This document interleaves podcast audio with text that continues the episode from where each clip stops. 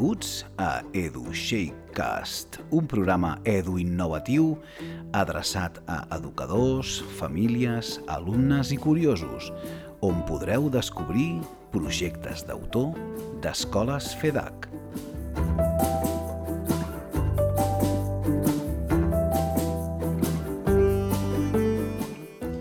Hola, amigues i amics, sóc Jordi Gallardo i avui us portem un altre episodi d'EduShakecast, un programa que sorgeix de la necessitat d'acostar les pràctiques d'èxit que fem a les escoles FEDAC a altres educadors, alumnes i famílies, també per a poder visualitzar aquests docents que des de la seva aula innoven i ho fan per la seva passió per educar. En l'episodi anterior, el primer episodi, vam parlar de gamificació a l'aula amb el Gilbert Roma, professor de FEDAC Cerdanyola. Avui parlarem d'emocions, poesia a l'aula i art amb Eva Gómez, també de FEDAC Cerdanyola. I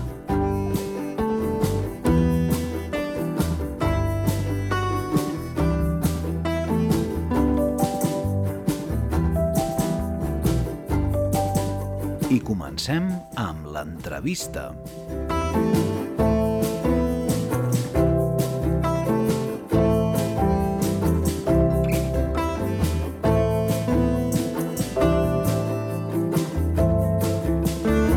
Eva Maria Gómez Martín té 41 anys i és mestra de primària i mare de dos fills, un nen de 7 anys i una nena de 2 anys. Té estudis d'antropologia i porta 21 anys treballant a FEDAC Cerdanyola i actualment és tutora de quart de primària, però també n'és exalumna de la mateixa escola i també hi va fer pràctiques de carrera, és a dir, que la major part de la seva vida ha estat vinculada a FEDAC Cerdanyola. També ha estat moni- monitora i directora en el món del lleure i va treballar també amb una llar d'infants. Va ser monitora del Museu de la Ciència, l'actual Cosmo Caixa, durant uns anys a la Sala Clic, la dels nens. També ha sigut voluntària en una casa d'acollida i durant molts anys ha estat vinculada a projectes solidaris i de voluntariat a la parròquia del barri. Les seves aficions són la lectura, els contes, aprendre, veure sèries, anar al cinema i fer activitats en família i amb els amics. Li encanta xerrar, donem fe, com a la majoria de mestres, i ballar i riure. Prefereix els llocs tranquils abans que les grans ciutats. Hola, Eva. Hola, Jordi. Benvinguda a EduShakecast. Uh, gràcies per compartir amb nosaltres les teves experiències eduinnovatives i espero que gaudeixis compartint-les amb tots nosaltres. Moltíssimes gràcies, Jordi, per permetre'm compartir aquests moments amb tots vosaltres. Eva, tens un gran bagatge en el món educatiu. Es nota que tens passió, com, com nosaltres diem a FEDAC, passió per, per educar. De totes aquestes experiències que has fet uh, en, el teu, en la teva trajectòria professional, què, què, què has anat aprenent? Què, què és el que t'emportes una miqueta de cada una d'elles? Doncs, eh, en primer lloc, jo penso que eh, aquesta capacitat d'evolucionar, de canviar, de no quedar-te amb una forma de fer, sinó tenir una ment oberta i de cadascuna d'aquestes experiències, siguin millors o siguin pitjors, aprendre, no? I, i obrir la ment i descobrir coses que potser no, no coneixies. I en les teves classes eh, m'han explicat, sobretot, que tenen un lloc molt especial les emocions. Eh, com, és, com, es, com es treballen les emocions a l'aula? Doncs el primer de tot jo penso que és creient-te-les, no? creient en, en la importància d'aquest treball personal amb els, amb els alumnes i amb tothom, no? sabent que els nostres alumnes no són només unes, unes persones que entren per la porta per aprendre uns continguts, no? que això fins i tot avui en dia estem rodejats d'eines que et permeten fins i tot fer un autoaprenentatge, sinó que la nostra funció és acompanyar-los en un aprenentatge més vivencial, més personal, més de creixement de tots els àmbits de la persona. No? Llavors jo penso que des que entres per la porta, a la teva mirada, ells han de veure que creus en ells i que t'importen, no? I que t'importen en tots els seus aspectes. I primordialment en allò que senten i en allò que els hi toca descobrir que és qui són i qui volen ser. I eh, aquesta, mm, a, aquestes sensacions que s'emporten, creus que els hi porten amb ells beneficis directament a curt plaç, a llarg plaç? Com, com, com veus aquesta evolució en, en els alumnes? Doncs jo penso que és en, en tots els, els plaços, no? És a dir, a curt plaç, primers eh, saben que se senten escoltats i una cosa molt important jo penso que és que saben que ells mateixos s'han d'escoltar perquè aquesta introspecció no, és molt difícil. Si a nosaltres com a adults ens costa mirar dins nostre i veure realment quins, qui som, perquè això ens, ens mou i ens obliga potser a replantejar-nos coses, no? Pues, imagina't ells, no? Encara més, no? El mm. poder-se escoltar, el saber que, que tot allò que senten i tot allò que pensen és vàlid i legitimitzar tot això és molt important. No? Llavors, a curt plaç això crea vincles, crea un espai de confiança dins de l'aula, eh, et fa conèixer-los, però de veritat. No? Uh, no només si és bon mates o no, que això segons com pot ser relatiu, no? sinó conèixer realment quins són els seus somnis, què és el que li fa por, què és el que l'apassiona, no? I això a curt plaç, dins de l'aula, crea un ambient maquíssim. Però, a més a més, tu vas sentant unes petites llavors, no? que amb els anys jo penso que els acompanyen.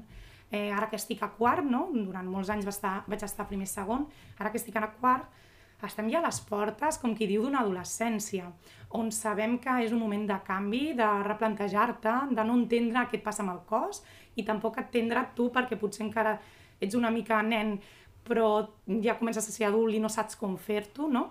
Pues si tu ja crees unes bones bases de dir pot ser qui tu vols ser, no cal que siguis una còpia més del grup, que avui en dia veiem molt això, no? que estan tots com molt mimetitzats. Eh, és important que et sentis còmode dins d'un grup perquè som persones socials i necessitem dels altres i l'aprovació dels altres per nosaltres és important, però la primera aprovació és la teva, no? Llavors, jo penso que aquestes llavors van quedant. O sigui, tenen molt clara el seu autoconcepte de jo mateix, però també els acompanyes a que puguin fer projeccions sobre ells mateixos perquè puguin acompanyar, he entès eh, el, que, el que expliques, que uh -huh. puguin acompanyar a aquest procés d'aprenentatge i creixement a, al llarg de, dels anys, no? Uh -huh. eh, I aquestes projeccions de, del que seran, eh, ells necessiten per part teva, quan, en, en, el que, en això que volen evolucionar, eh, els, els hi fas endemiatges o realment ells, alguns, ja, ja, ja, tenen, ja tiren per ells mateixos? Explica'm una, una miqueta com, com ho condueixes, això. Um, hi, ha, hi ha de tot, no? Perquè sí. tinguem clar que avui en dia, per exemple, el tema de les emocions s'ha posat de moda, però no tothom s'ha format com per acompanyar les emocions, i és això és molt important, important. És molt important que per treballar les emocions eh, no entrem a l'aula dient tenim a treballar les emocions, no, Eva? Això mateix, no és una moda Eh, sembla que si treus un, el conte del monstre de colors amb els petits ja estàs treballant emocions i treballar emocions no és això. Tot i que realment jo, per exemple, una de les eines que més utilitzo són els contes perquè, primer, la literatura m'apassiona i segon, penso que és una forma molt bona per arribar a totes les edats, perquè no ens, no ens oblidem que un conte, a mi les històries m'apassionen i tinc 41 anys, no? A qui no li agrada que li, li expliqui una bona història? Els contes et permeten que eh, contes molt ben triats, clarament, eh, els nens puguin fer una visualització d'allò que els està passant a través d'un personatge extern. Perquè parlar del que em passa a mi a vegades em costa, no? perquè és com això, adonar-me que és real i haver-m'hi d'enfrontar em fa por. Mm -hmm. Però potser treure-ho fora no? i, i personalitzar-ho en un personatge X, no? que sigui un animal, un personatge fantàstic, em permet parlar d'allò amb una mica de distància i això em dona seguretat. Des d'aquesta distància, com a l'aula crees aquest clima de, de, de secretisme, per dir-ho d'alguna manera, és a dir, ells saben des del primer dia que allà, el que surti allà es queda allà, no? És, una, és un espai segur. És, és un, un espai segur. És un ambient segur. I jo els hi explico perquè ells, clar, de primeres es pensen, no, però si ve el papa o si jo t'explico algú molt greu, no li explicaràs, no? Llavors tu els hi expliques, no. Jo t'acompanyaré i intentaré ajudar-te perquè siguis tu qui li expliqui. Però aquesta vivència, aquesta emoció, allò que tu sents és teu i jo no tinc dret a explicar-ho, mm. no? Llavors, aquesta confiança i aquest començar una miqueta des de lluny amb aquest personatge fantàstic, no? els permet després poder passar a l'anècdota personal. En això també és una part important que tu t'impliquis com, a, com a docent, és a dir, tu també has de compartir. No? Si tu només reps i no comparteixes, ells se senten una mica com estafats, com dient, bueno, què, Està no? clar. I les teves vivències han de ser reals, no val inventar-te històries perquè ells ho saben. Llavors, el fet que tu comparteixis pues, un moment donat de la teva vida que vas tenir una situació pues, difícil i ells veuen que tu també vas plorar, ells veuen que tu també vas tenir por i que encara tens por de coses, no? Això els legitimitza a saber que allò que estan sentint és lícit, és, és bo, no? I l'únic que hem d'acompanyar-los és que vegin que hi ha diferents vies per treure allò que senten, però han de ser vies que no els hi facin mal ni a ells ni als altres, no? Veig que crees unes molt bones comunitats d'aprenentatge a, a les teves a les teves aules i bé, jo crec que què millor que escoltar els alumnes a veure què, què n'opinen d'aquestes classes que segur que les gaudeixen amb, amb, amb molta passió. Tenim aquí amb nosaltres a l'Alba i el Gerard. Hola, Hola. I l'Alba i el Gerard són alumnes de, de l'EVA. I m'expliqueu una mica com són les classes de l'EVA? són, són reflexionatives eh, i divertides. Molt bé. I tu, Gerard, com, com les veus? També molt divertides i també molt... Re... que també reflexionem i, Molt bé. i practiquem molt les respiracions per... i, i això. M'expliques una mica això de les respiracions, Gerard? Que quan arribem del pati normalment, perquè no estiguem tan nerviosos a classe, el que fem és estar una, fem unes respiracions per relaxar-nos i doncs després així ja fem la classe més tranquils. I es nota, això es nota. Sí, es nota. Com, com, com ah, us en recordeu d'abans, abans de fer aquestes respiracions de l'any de l'any passat? No, no ho fèieu? Eh, ho fèiem, però molt poc. Ho fèieu menys, no? Sí. I, i l'Eva li agrada molt fer-ho i realment teniu aquesta sensació de que esteu més concentrats? Eh, jo sí, Sí? jo es, noto. es nota molt. Sí, Molt bé. I creieu que, que, que a- apreneu de forma més divertida fins i tot, no? Perquè esteu més atents, potser? sí, I esteu més atents per, per les classes que feu. sí. Molt bé. I mm, també hi ha, Eva, un treball de, de, Alba, de les, de les emocions, no? Sí, de les emocions. M'expliques una mica això de les emocions? Eh, les emocions... Eh, ens explica un conte o, o ens explica una història i després ens pregunta que com ens hem sentit quan ens l'ha explicat. I realment això eh, us ajuda en el moment o us ajuda més enllà d'aquell moment que ho esteu treballant? Ens ajuda més enllà del moment que és. Vosaltres no ho veieu, però el Gerard està fent així amb el cap. Ens expliques una mica això? Sí, que sí que és veritat que quan ens quan llegim els contes després sí que és veritat que quan parlem i tot de, reflexionem i doncs així ens és com que doncs ens han d'entendre consells per fer quan siguem més grans. Molt bé. Doncs us ajuda a millorar en, en, en un futur. Perfecte. Sí. Doncs així ens ho recomaneu, eh? Això ho practicarem, doncs, també els altres mestres. I mm, també fa... li agrada molt el tema de l'art, no? Com, com són aquestes classes d'art? Sí. Qui m'ho explica? A veure. Eh, no sé. El Gerard? Vale. Vinga.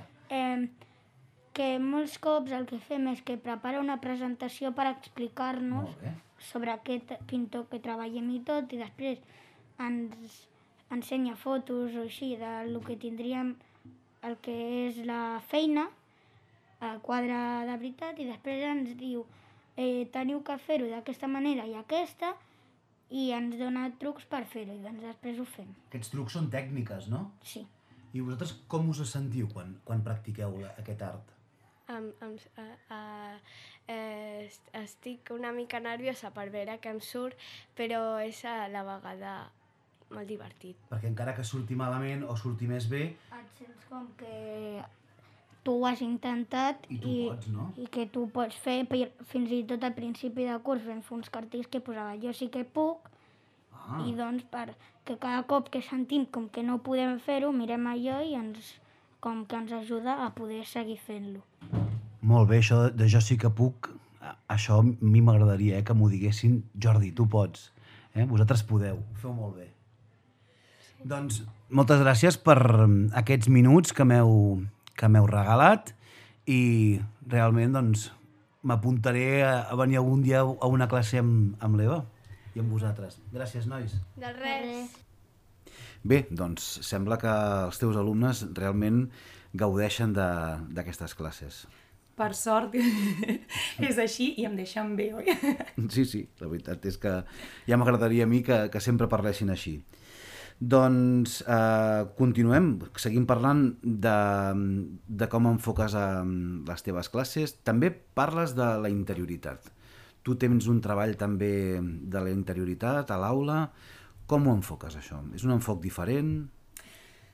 Fem diferents activitats. Eh, doncs mira, des del de, el moment del, del bon dia o aquestes petites reflexions que puguin sortir en, en qualsevol moment, eh, però també tenim un espai diari de relaxació. Per als que no coneguin FEDAC, a FEDAC fem un, un bon dia al matí, 5 minutets, que, que ens ajuda a, a, a connectar no? amb, amb nosaltres mateixos, a, a vegades a, tra a través d'una cançó, fins i tot. Bueno, de diferents maneres perquè tothom li pugui arribar, no? No tot tothom li arriben les coses de la mateixa manera.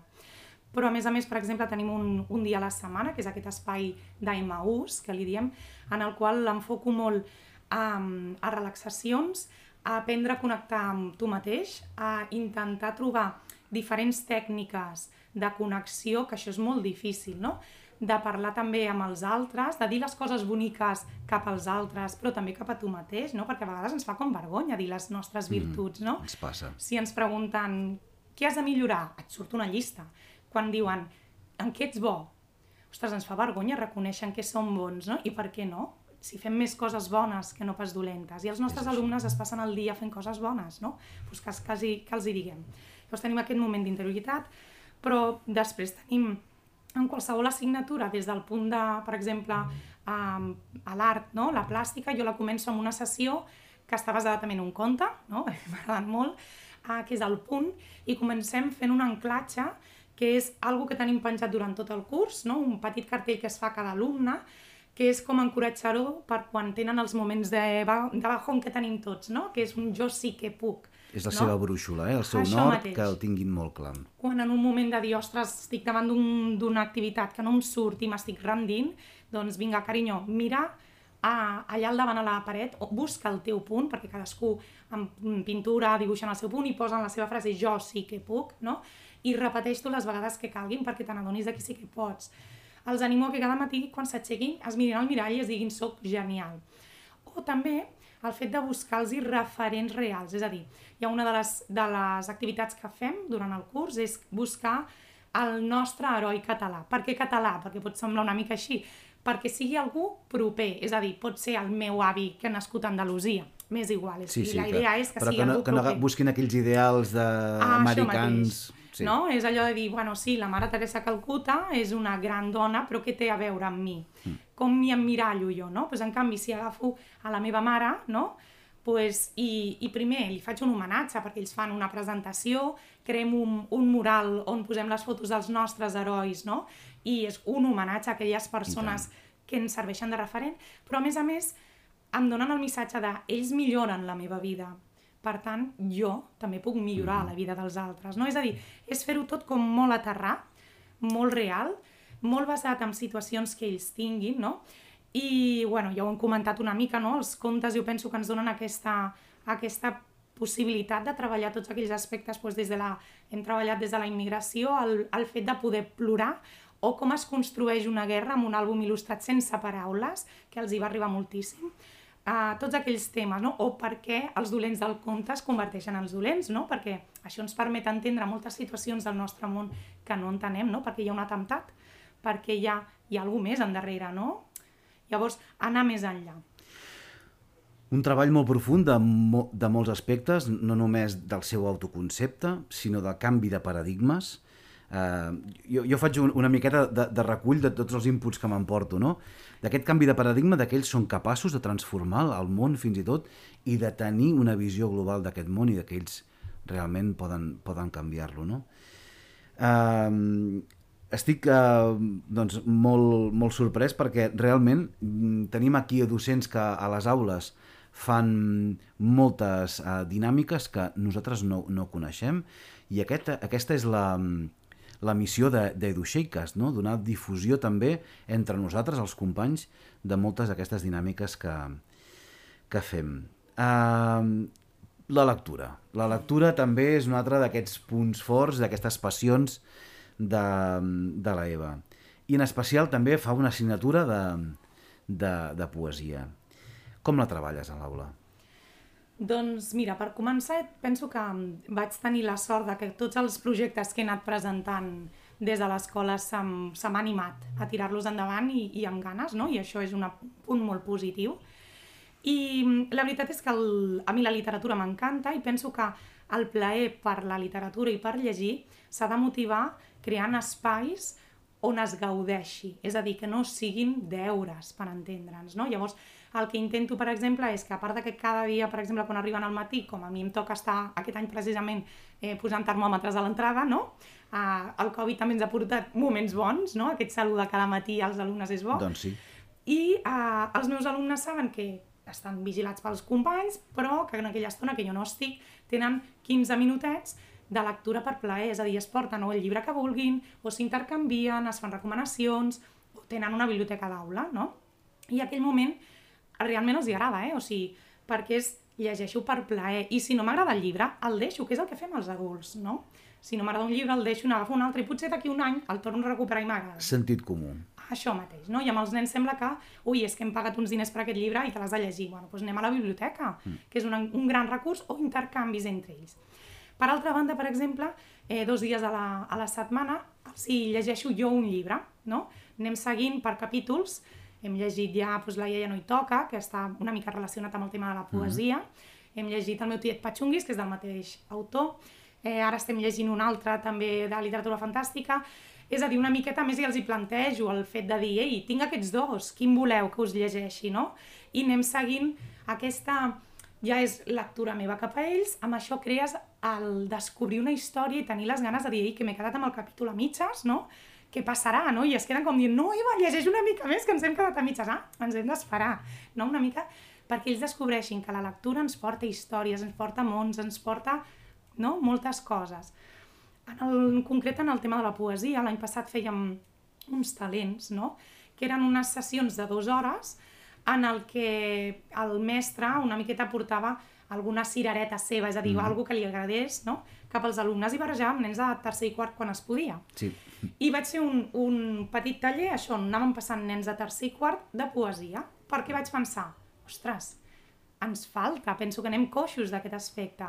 I va funcionar tan sumament bé, vam disfrutar tant, eren dues hores que se'ns quedaven curtes, Clar eh, que aquest any vaig fer la proposta de dir, escolta, a mi una de les complementàries no podria ser de poesia, i és d'aquelles matèries que comences com pensant, a veure què, no? com reaccionaran, com l'encararan, no? I a mi m'agrada molt no? que el primer dia que els dius als, als alumnes ei, anem a fer una assignatura de poesia, tots et miren, o tots no, perquè per sort sempre hi ha algun que a casa seva també gaudeixen d'aquesta sort, no? Amb cara de, ui, però això és difícil, o és difícil d'entendre, o és dir... I ara al final, quan ja estem acabant, L'altre dia, precisament, no? comentàvem a classe, no? Us esperàveu aquesta assignatura? I clar, em deia, ostres, doncs a mi m'agrada una fins i tot, imagineu-vos quin, quin regal per mi em va dir, jo m'estic plantejant de gran ser poeta, escriure ostres. un llibre de poesia, no? I jo li deia, ostres, doncs imagina't quin orgull seria per mi que d'aquí uns anys jo als meus alumnes els hi pugui llegir les teves, les teves obres, no? Dic les teves obres com qualsevol cosa que vosaltres pugueu plantejar. Perquè si una cosa els hi, els hi fico molt, o intento, no? transmetre molt és el fet de que el que ells han de fer és uh, mirar-se dins, conèixer pensar quina persona volen ser, descobrir quins són els seus somnis i lluitar per aconseguir aquests somnis, no? Jo ho veig molt lligat amb, amb aquest treball d'emocions, de, la, la poesia. Jo tenia aquí una pregunta de, de què n'obtenen. El que n'obtenen jo ho veig molt clar, que és molt lligat amb, amb aquestes emocions, que és descobrir aquesta passió que tenen i, i, i, i que realment es mostrin doncs, doncs com són, no? Uh, Bé, si jo hagués de començar fent poesia a l'aula, mm, com, per on començo? A veure, dona'm uns tips per... Pues mira, nosaltres, jo el que sí que vaig fer és que vaig crear un site una miqueta perquè aquesta feina no es perdés, és a dir, jo sóc una apassionada d'això, però potser l'any vinent jo no estic a, a quart, no? Pues que això quedi, no? I, I a més a més també els nens ho tenen, no? En el seu classroom compartit, de forma que ells poden remirar i, i compartir també amb les famílies, que penso que també és important, no? Llavors vaig començar una miqueta plantejant-los a ells què és això de la poesia, no? I utilitzant poetes, no? Pues el, el típic de Becker, no? Eh, o, o una Mar Venegas, que pels nens és molt bona opció, no? És, és impressionant lo bé que transmet. I la, el més important per mi era eh, donar-los un ventall molt ampli de poesia, és a dir, hem treballat poesia com tots l'entenem, però també hem treballat poesia visual, també hem treballat eh, a poesia musicada, i ells van acabar fent, eh, agafant una cançó que ells triaven, una base musical, van fer la seva cançó, perquè no deixa de ser poesia, això, hem I fet tant. embarbussaments, hem fet acudits, hem fet mil coses, hem fet haikus per anar a alguna cosa que els hi era una mica més llunyana i més diferent, no? I jo els hi deia, lo important és que aprenguem a jugar amb les paraules. Eh, quan vam fer la cançó, per exemple, ens ho vam passar, tu pots imaginar. I tant. I el dia que ho vam gravar vam riure el que no està escrit, no? I jo els hi deia, potser el resultat final potser no és tant com ens esperàvem perquè els hi va passar i d'això també en vam aprendre. Van triar cançons que anaven molt ràpides i pobrets els veies, no? Tot és un aprenentatge. I vam riure perquè eren embarbussaments, no? Eh, però jo els hi deia, dic, però què en traiem d'això? Hem jugat amb les paraules i hem vist que podem expressar en paraules més coses dels que, de les que pensàvem. seguim avançant perquè estem desfilant cap a aquest camp artístic, doncs també doncs, t'agrada el, el tema de l'art. També ho lligues, suposo, tot plegat amb, amb, amb el camp emocional, no? I tant. I sobretot aquí ho enfoco amb que, mm, clar, fa molts anys que faig de mestra, no? Sí.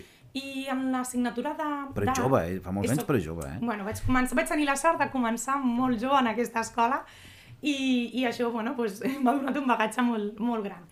Um, a l'art, que hauria de ser un moment de plaer, no? Em trobàvem que hi havia el típic alumne que té la consciència de soc bo en això i que gaudia amb qualsevol activitat, però després tenies els típics que deien és que jo això no se'm dona bé, jo no sé dibuixar o jo no sé... I vaig dir, ostres, no, hem de No fer un pot ser. replantejament, no? I, i comencem el, el, la part artística, com us deia abans amb el conte del punt, amb el jo sí que puc. Però després, a més a més, una mica els hi dic, és que tots sou artistes, perquè l'art és molt ampli, Que bo. no? I cadascú podreu trobar aquell bocinet on us sentiu a gust, no? Llavors, per fer això has d'oferir moltes activitats diverses, no? Llavors intentem fer pues, pintant bombolles de sabó. Aquest any no hem pogut perquè, clar, amb el tema Covid no podíem bufar. Sí, sí, però jo recordo bones, bones empastifades, I eh? tant! Pues, que si fer fang, aquarel·les, pintar amb tinta, que és una textura totalment diferent. Um, I sobretot, uh, quan hi ha aquell moment, perquè tots tenim alumnes d'aquells que són tan perfeccionistes que quan una tècnica no surt com ells esperaven et venen, Eva, és que això... La meva resposta sempre és, t'agrada fer això? Oblida el resultat. Sí, doncs disfruta. Ja està. I llavors intento penjar... No cal més. Clar, quan penjo, quan fem el nostre museu de classe, intento penjar feines de tothom, no fer la selecció de, ai, el Dels que més, és maco. dels més bonics, no. No, perquè potser el que no sap dibuixar ha tingut una superidea i és supercreatiu allò que ha fet. Potser tècnicament no és tan perfecte, però el rerefons és brutal. I potser li passa la mà per la cara al que va a classes d'art Sí, fora sí, perquè d'escola. potser la seva passió és més gran que, que la d'algú que té molta més tècnica i que es vegi la seva obra recompensada, doncs eh, que això els emociona, no?, realment. I tant, quan em diuen, Eva, aquest any venien alguns i em deien, Eva, eh, els papes m'han agafat un dels quadres que van fer a classe l'any passat i l'han emmarcat, no? Que això és per ells. I, I és més, no portem en àlbum cap a casa les feines, perquè si no els havíem de foradar i ens els carregàvem. Doncs hem construït, ells mateixos han construït una carpeta per poder-les portar jo els idees que són obres d'art, i les obres d'art es cuiden i no es poden foradar. I si les voleu penjar, les pengeu. I, I ahir, per exemple, van entrar, un, van venir a fer una activitat d'igualtat a la classe, no? I el noi que va entrar em va dir hola, quina classe més xula, i, i la meva pregunta va ser, per què? Perquè clar, com tu ja estàs allà i ara veus cada dia, no, no, no trobes... Diu, ostres, hi ha moltes coses xules, i es referia a les obres d'art dels alumnes, no? I, els hi va, i li vaig dir que és que aquí som tots molt artistes, no? I realment que ells s'ho creguin, i quan et fan el comentari és que nosaltres som artistes, Eva, no? Ostres, que millor que això.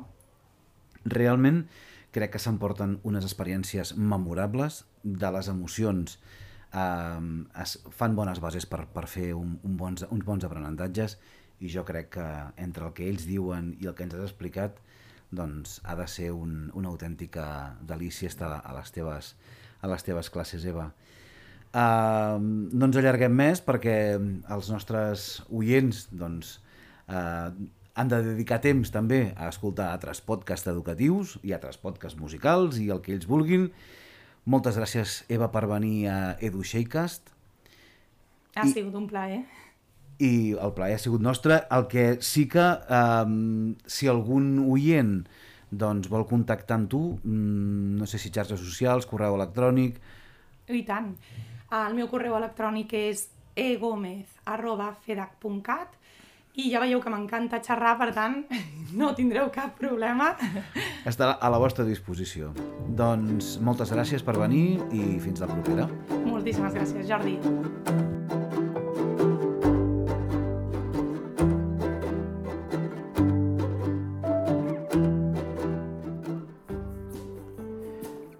proper episodi tindrem amb nosaltres a Laura Garcia i parlarem amb ella de l'art de les escoles.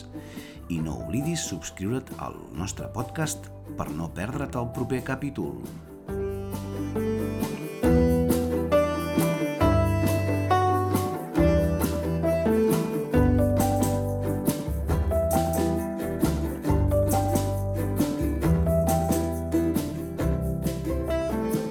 I ara el nostre tip Shakecast.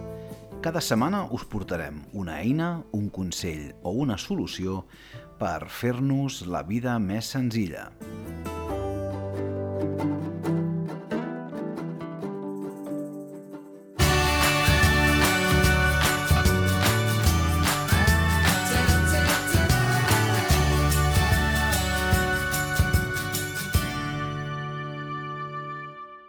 I ara, el nostre tip d'Edu Shakecast.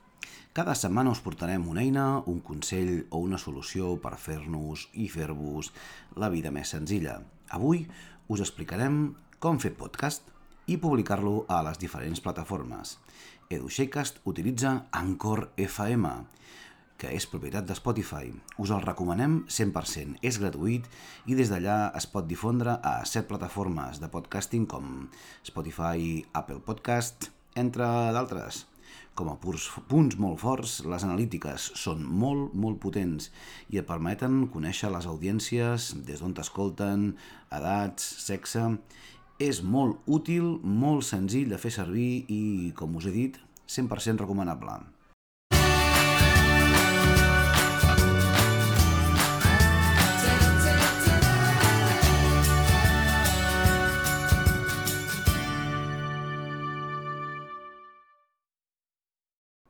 Fins aquí el programa d'avui. Gràcies per estar amb nosaltres i ens podràs seguir a xarxes socials amb el nom de Edu Shakecast o Shake Edu. Fins a la propera!